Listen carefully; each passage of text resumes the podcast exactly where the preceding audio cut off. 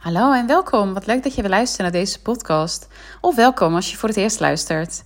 Ja, we zijn alweer aan het eind gekomen van de dierenriem. En tenminste als je op volgorde luistert.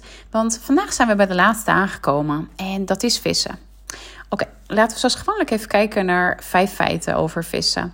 En als je ondernemer bent, uh, blijf vooral tot het einde luisteren. Want dan uh, ja, vertel ik je hoe vissen zich uit als ondernemer. Maar goed, als eerste. Als je geboren bent tussen 19 februari en 20 maart, dan ben je vissen. En het element wat hierbij hoort is water. De modaliteit van het element is bewegelijk. En dat betekent dat het heel veranderlijk is. Het is heel flexibel.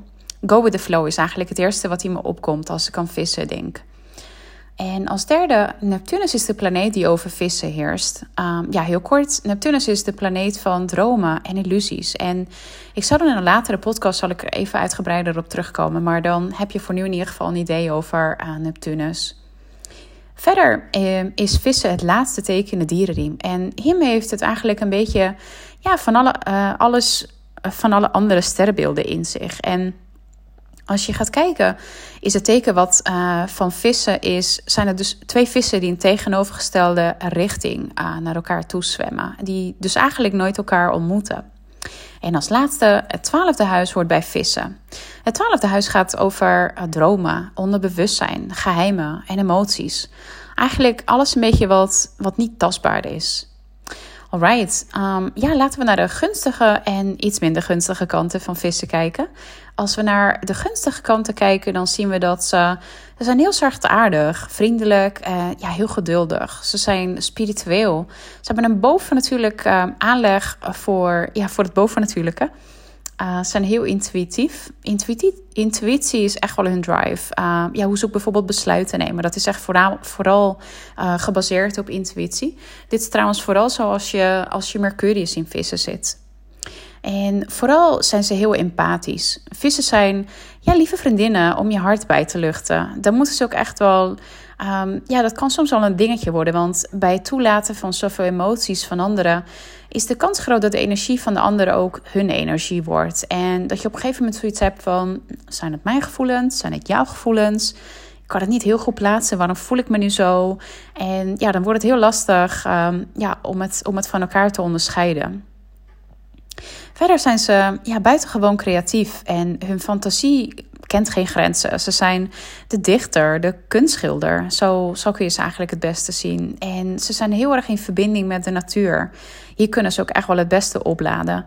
Uh, ja, ze zijn heel introvert. Ze leven graag in hun eigen wereld.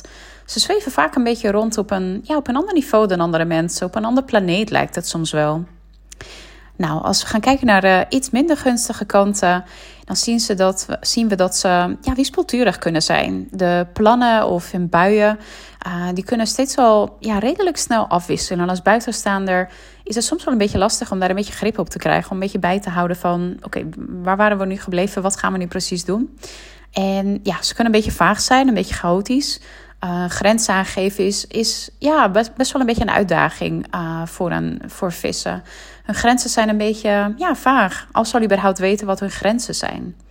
En ja, gevoeligheid is een dingetje. Nou, ik heb er een hekel aan als mens zegt dat je te gevoelig bent. Maar wat ik in dit geval eigenlijk bedoel is dat uh, ja, ze mogen oppassen met het overnemen van gevoelens van anderen. Want de problemen van anderen worden vaak hun problemen, omdat zij het zich zo, ja, zo aantrekken. En daarom is het dus ook uh, heel erg belangrijk om het uh, kennen van je grenzen en uiteraard ook het aangeven ervan. En verder, ja, hun eigen droomwereldje voelt vaak ja, heel prettig en veilig aan. Maar soms kunnen ze zich ook wel een beetje ja, van hun omgeving helemaal afsluiten. Zijn ze heel dromerig, een soort van ja, onbereikbaar voor de buitenwereld. Dat je zoiets hebt van: hallo, ben ik in beeld? En lichamelijk zijn ze dan wel aanwezig, maar ja, daar houdt het ook wel mee op. En ja, het duurt dan even voordat ze dan weer ja, een beetje weer op aarde, zeg maar, weer zijn, uh, zijn geland. Nou, en als laatste, om de werkelijkheid te ontwijken, kunnen ze af en toe ja, toevlucht uh, zoeken in drugs en alcohol. En ja, om issues uh, daarmee te dealen, of nou ja, eigenlijk als het ware te ontwijken. Nou, dat waren het kort de kenmerken van vissen. En zoals ik vaker zeg, als um, ja, je hier je helemaal niet herkent in het lijstje wat ik net opnoemde, maar vis is dan wel je zonneteken. Um, ja, dat, dat kan helemaal. Um, Het kan namelijk door een aantal dingen komen. Dus bijvoorbeeld waar het huis zich, het zonnetje zich in bevindt, wat natuurlijk een sterke invloed heeft op hoe, hoe vissen zich uit. En als je juist hier wel helemaal in herkende in het lijstje wat ik net opnoemde, maar je zon, maan of ascendant, die zit juist niet in vissen, dan heb je wellicht een aantal planeten die zich in het twaalfde huis bevinden. En nou ja, het twaalfde huis, zoals we zagen, die hoort dus bij vissen. Nou, vanuit mijn eigen ervaring, vissen zit dus in het zesde huis. En het zesde huis gaat over werk en gezondheid. En ja, daar ben ik dus heel intuïtief in. Ik kan vaak bijvoorbeeld uh, ja, van tevoren voelen bij mezelf of bepaald eten wel of niet goed gaat vallen. Uh, ik kan precies voelen waar ik, uh, ja, waar ik wel behoefte aan heb, waar ik nou ja, ook vooral geen behoefte aan heb. En op werk kan ik ook heel erg fijn aanvoelen wat de ander nodig heeft. En vaak zelfs ook voordat de ander dat eigenlijk al van zichzelf weet. Um, ja, en grenzen was voor mij ook wel een dingetje, moet ik eerlijk bekennen.